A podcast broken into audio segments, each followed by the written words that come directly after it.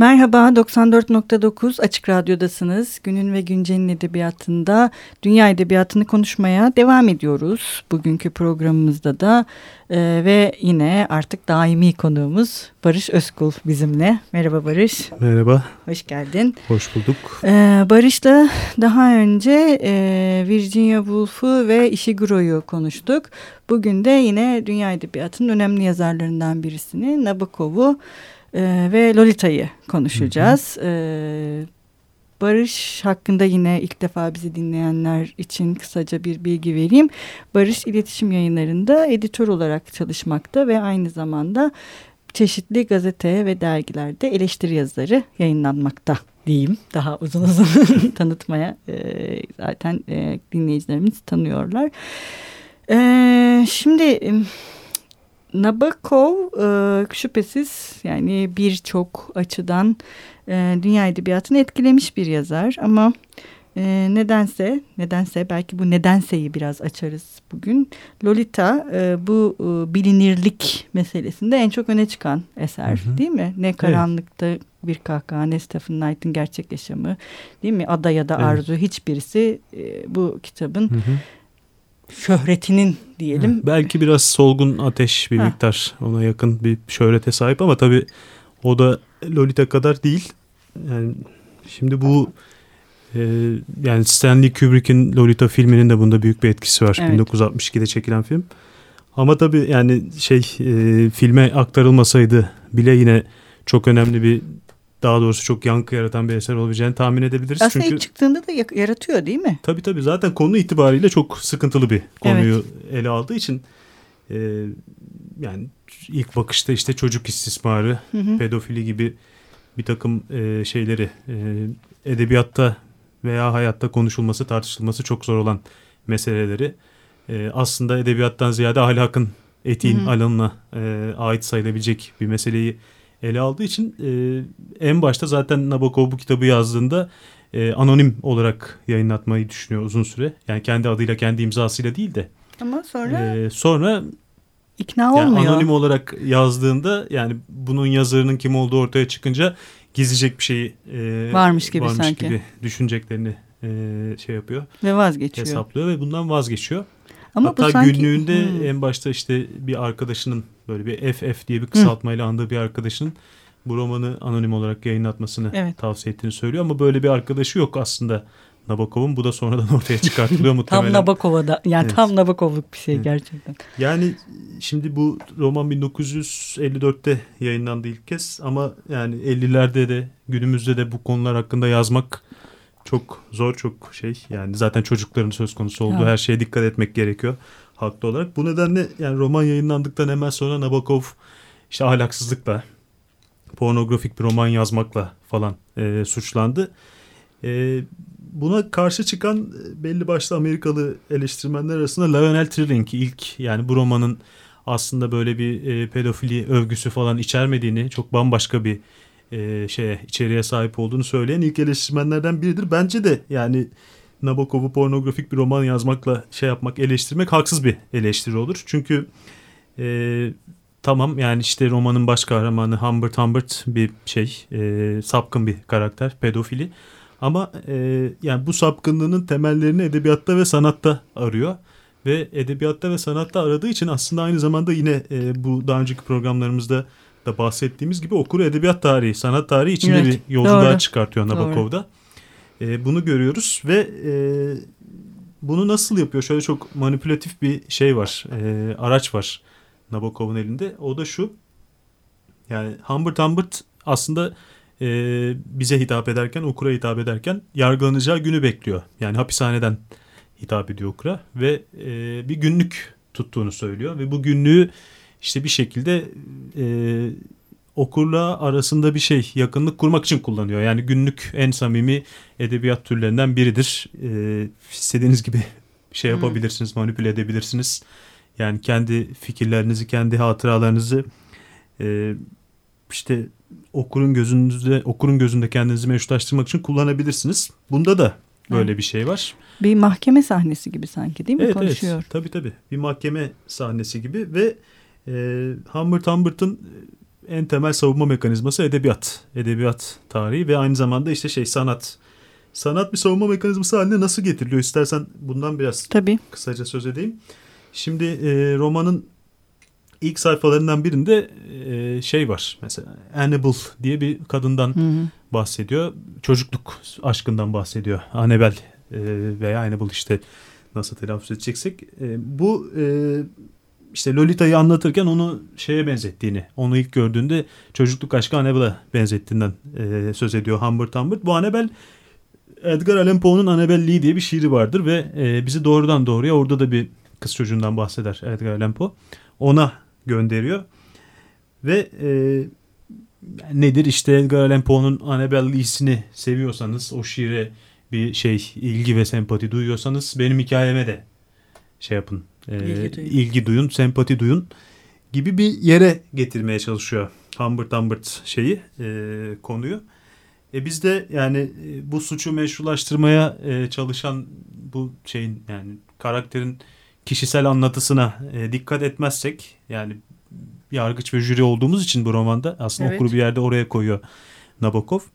Kolaylıkla Humbert Humbert bizim gözümüzde sempatik bir karakter haline gelebilir. Yani bir suç işlemiş ama işte o kadar da şey değil. Yani bu işlediği suçu e, öyle bir paketleyip ambalajlayıp sunuyor ki yani şey yapıyoruz.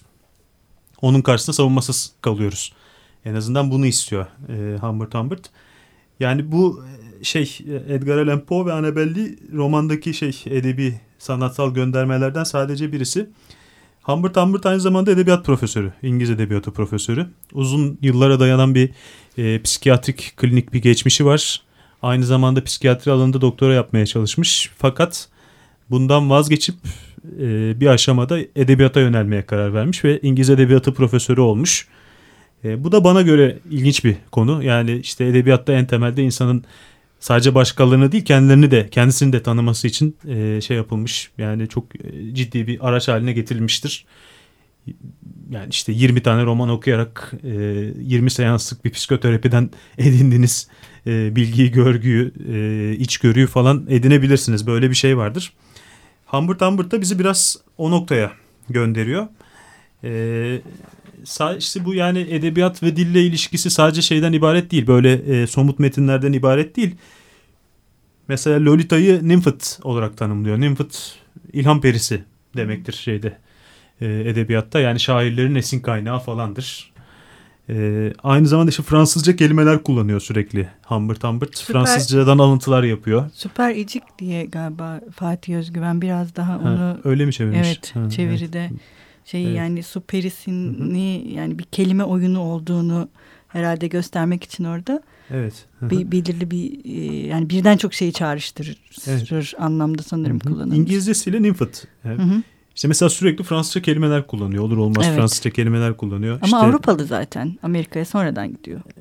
Evet ama yani romanda Hı. şey e, Amerika'ya Nabokov sonradan gidiyor Rus Hı hı. Nabokov ama Humbert Humbert İngilizce yani romanda İngilizce konuşuyor sonuçta. Evet ama E, yani o da Amerika'ya sonradan gidiyor. evet evet o da sonradan gidiyor. Fakat yani bu kadar çok alıntı yapması Hı. sü- sürekli Fransızca kelimeleri araya sokuşturması biraz da yani kendi sapkın benliğini biraz şeyden yani böyle yabancı bir dile sığınarak onun gerçekliğine sığınarak Hı. gizleme çabası. Yani bir tür şey e, okurun yani kendi yolunu bulup Humbert'ın hikayesinden tutarlı bir anlatı oluşturmasını engellemeye çalışıyor. Yani ortada bir suç var, kriminal bir eylem var. Ama bunu bir şekilde e, şey yapıyor. Ne diyelim? E, yani gizlemenin yolunu arıyor şeyde. Yani bu edebiyat ve sanat düzleminde, bu gerçeklik düzleminde. Şimdi bu e, yani Nabokov'un aslında en karmaşık romanlarından biridir Lolita. Bu sadece sanatsal düzlem. İstersen şimdi biraz da ben yani psikiyatrist falan değilim ama romanın Öbür çok düzlem. ciddi bir psikolojik bir düzlemi Tamam. var. Psikiyatrik bir düzlemi var. Geçmeden Ee, o düzleme ne yapalım? Yine bir müzik şarkı çalalım. Evet, Yine evet. şey oldu. Bu da bir tesadüf oldu aslında. Konuştuğumuz üçüncü kitap. Bunun da yine senin de bahsettiğin gibi bir filmi var. Evet. O Lolita filminin Evet, müziğini. Evet, Kubrick, Kubrick'in filmi.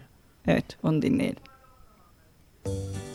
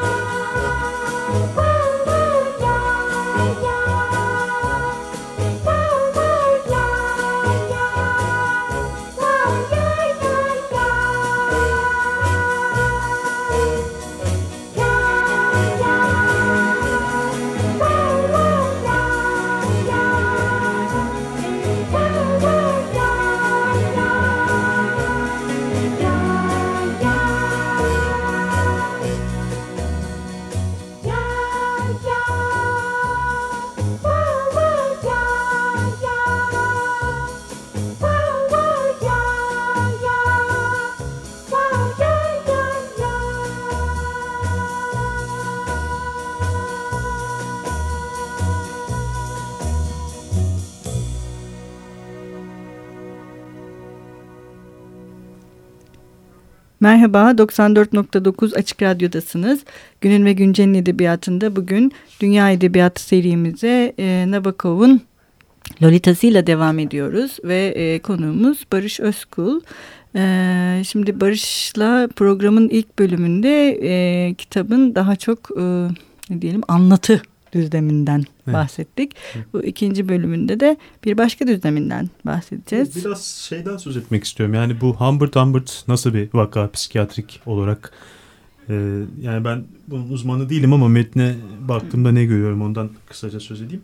Şimdi bir kere bir kötü bir çocukluk geçirmiş, ağır bir e, çocukluk geçirmiş onu anlıyoruz ve e, etrafındaki bütün şeyler yakınları mesela eski karısı Valeria e, işte Lolita'nın annesi Charlotte Hayes ki onunla evleniyor işte Lolita'yı da öyle tanıyor falan. Bunların hepsi zamandan önce ölen karakterler. Ee, yani hepsi şey prematüre şekilde, e, zamansız şekilde ölüyor. Ve e, annesi de değil mi? Sanırım kendi annesi de Hı-hı. ölüyor, ölüyor ve işte mesela yakın arkadaşlarından biri galiba şeyle kaza yaparak evet. ölüyor. Yani sevgilisi zira öyle ilk sevgilisi Annabelle'yi. Evet yani bir kayıp duygusuyla var olan bir karakter bu Humbert Humbert ve bu kayıp duygusunu e, şey e, ne diyelim yani ölümle özdeşleştirmiş bu kayıp duygusunu kaybetmişlik duygusunu bir şekilde Lolita'ya yansıtıyor. Hmm. Yani Lolita'nın işte 12 yaşındaki bir çocuk olduğunu düşünürsek belki De, biraz da e, yani yine ilk kısımda şeyden bahsetmiştim. Yansıtma işlevinden yani sanatta sığınarak sanat tabii şey arayarak kendine meşrulaştırma e, dayanak maynak falan arayarak kendini meşrulaştırmaya çalıştığından söz etmiştik. Şimdi burada da ikinci kısımda da şey var.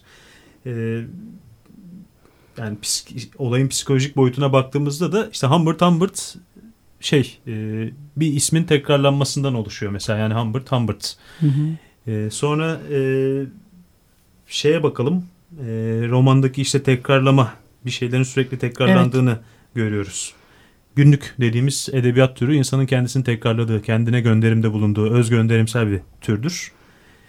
Ee, sonra mesela şeyi Lolita ile ilk karşılaşmasını e, anlatırken kendisini orangutana benzetiyor Humbert Humbert. Orangutan maymun işte insanın e, kendi, insanın yani aynası olan türlerdir bunlar. Bir evrim. teoriye göre, evrim teorisine göre.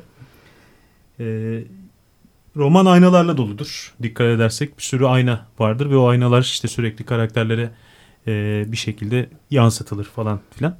Buradan şeye geçeceğim yani bunu niye tekrarlıyorum? Bu e, multiple personality disorder diye bir hastalık çeşidi vardır yani e, çoklu Çok... kişilik bölünmesi bozukluğu da diye, diyebiliriz. Yani Humbert Humbert e, şizofrenik bir kişilik bölünmesi yaşayan bir karakter. Bu bunu yaşadığı için e, gerçekliğin yerine şeyi tekrarı, taklidi, çiftleri filan koyuyor. E, ve yani mesela e, dolayısıyla yani neyi mesela e, gerçek bir şey olduğunu romanda neyin onun zihninden yansıyan ve okura sunulan hayali bir e, şey olduğunu nesne veya olay olduğunu çok da anlayamıyoruz. Çok e, şey e, bunlar şaibeli meseleler. İşte mesela Clea Guilty diye bir karakter ortaya çıkıyor bir aşamada ondan bahsediyor. İşte evet, Guilty e, zaten. Evet, bu karakter işte şeyden e, Lolita Humbert Humbert'tan uzaklaşıp bu karakterin e, şeyine istismarına maruz kalıyor. Tiyatro Öyle anlatıyor. İşte Claire Guilty işte İngilizcesini düşünsek işte açık suçlu, evet. tartışmasız suçlu gibi bir anlama Hı-hı. geliyor. Muhtemelen bu karakter de e, şey Humbert Humbert'ın kendisi. Böyle bir karakter yok. Bunu da Tabii. kafasında yaratmış ve anlatmış. Yani alter egosu belki yani böyle evet. bir şey olması muhtemeldir. Bir de zaten o da oyun yazarı. Hı hı. Evet. Şimdi e, yani Amerika'da 40'larda ve 50'lerde psikiyatri çevrelerinde çok moda zaten bu şey. Çoklu kişilik bozukluğu teşhisi. E, Humbert Humbert da işte yani bir e, bu şeyden bu sorundan mustarip gibi görünüyor. Şeyi e, yani bu sahte gerçeklik, sahte kişilik aslında e, şeyde de mesela bir Kubrick'in filminde vardı sanırım o. Claire Guilty ile Humbert Humbert pimpon oynuyorlar. Yine bir oyunun sınırları içerisindeyiz. Kurmaca bir gerçeklik var. Pimpon da sonuçta bir oyun. Ve bu oyun işte o top aslında Lolita'yı simgeleyen bir şey. Lolita Hı-hı.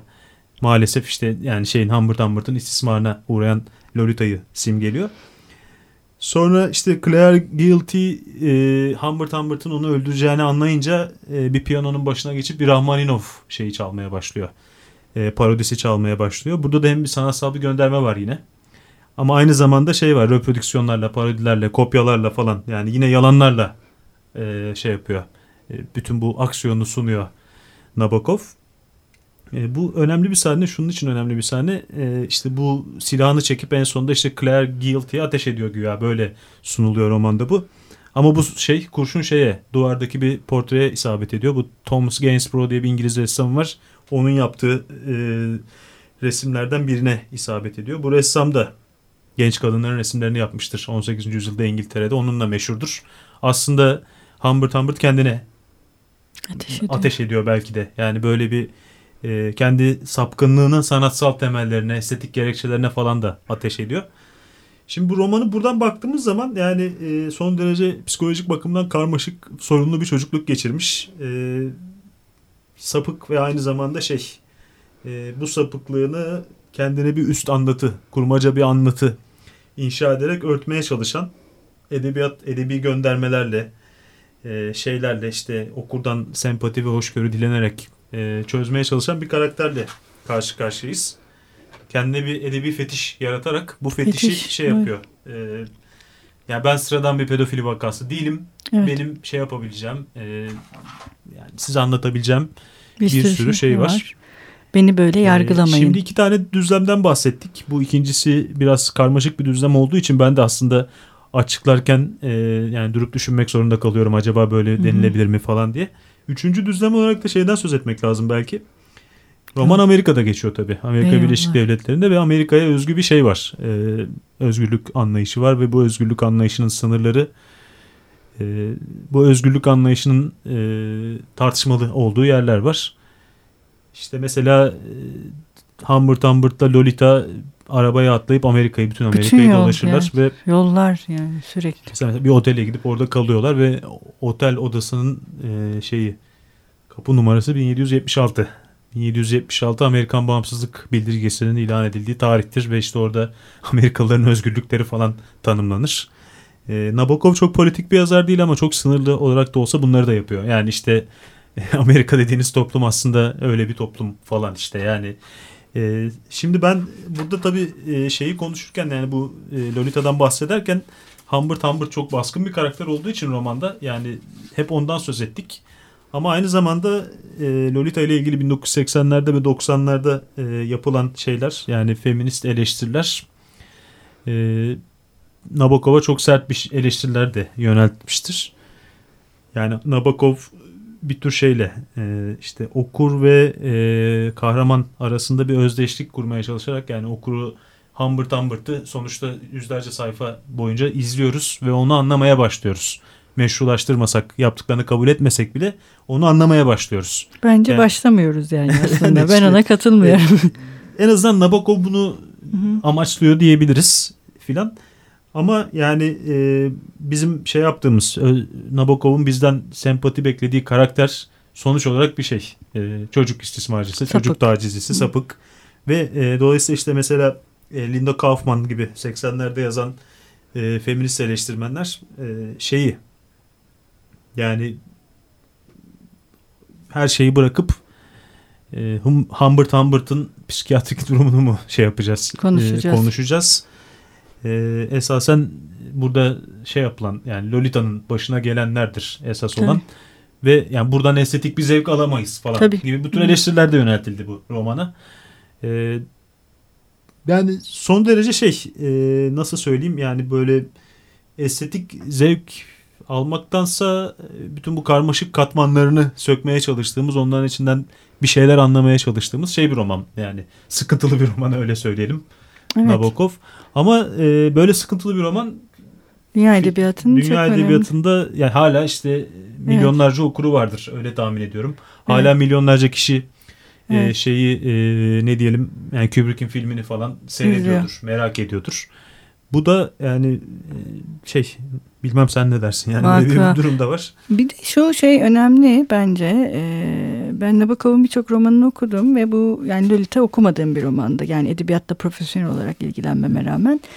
Neyse şunu söylemek istiyorum. Yani çevirisi son derece iyi bir çeviri. E, Fatih Özgüven gerçekten yani romanı e, çok hakkını vererek çevirmiş bence ve e, yani evet kitabın kendisine dair yani en azından bu dili ve anlatımına dair çeviriden çok açık bir şekilde e, şeye hani o karmaşayı karmaşayı bize hissettiriyor yani çevirmen.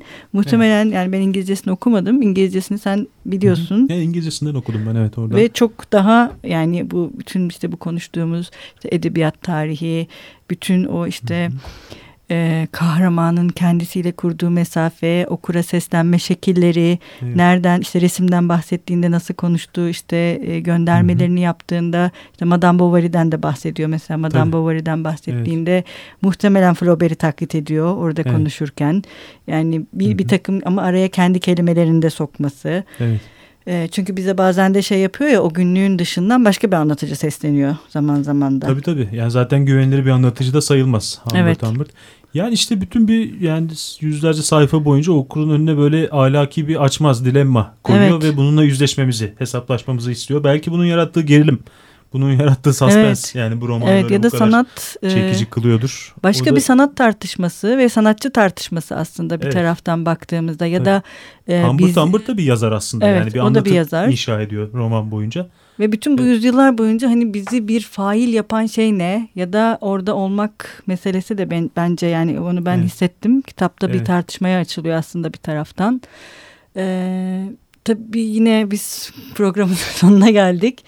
Ee, ama e, yani şeyi de belirtelim. E, Nabokov'un bütün eserleri iletişim yayınları tarafından yayınlanıyor. Tamamlandı mı külliyat? E, bu ay bir kitabı daha çıktı İhtişam diye bir romanı. Onunla birlikte bildiğim kadar e, tamamlanmadı ama yani tamamına yakın Türkçe'de kısmı. sayılır. Evet. Evet ve e, son derece iyi bir e, edisyon ve çeviriyle yayınlanıyor kitaplar. Onu da söyleyelim. E, çok teşekkür ederiz ben Barış. Teşekkür ederim. E, hoşçakalın. Görüşmek üzere.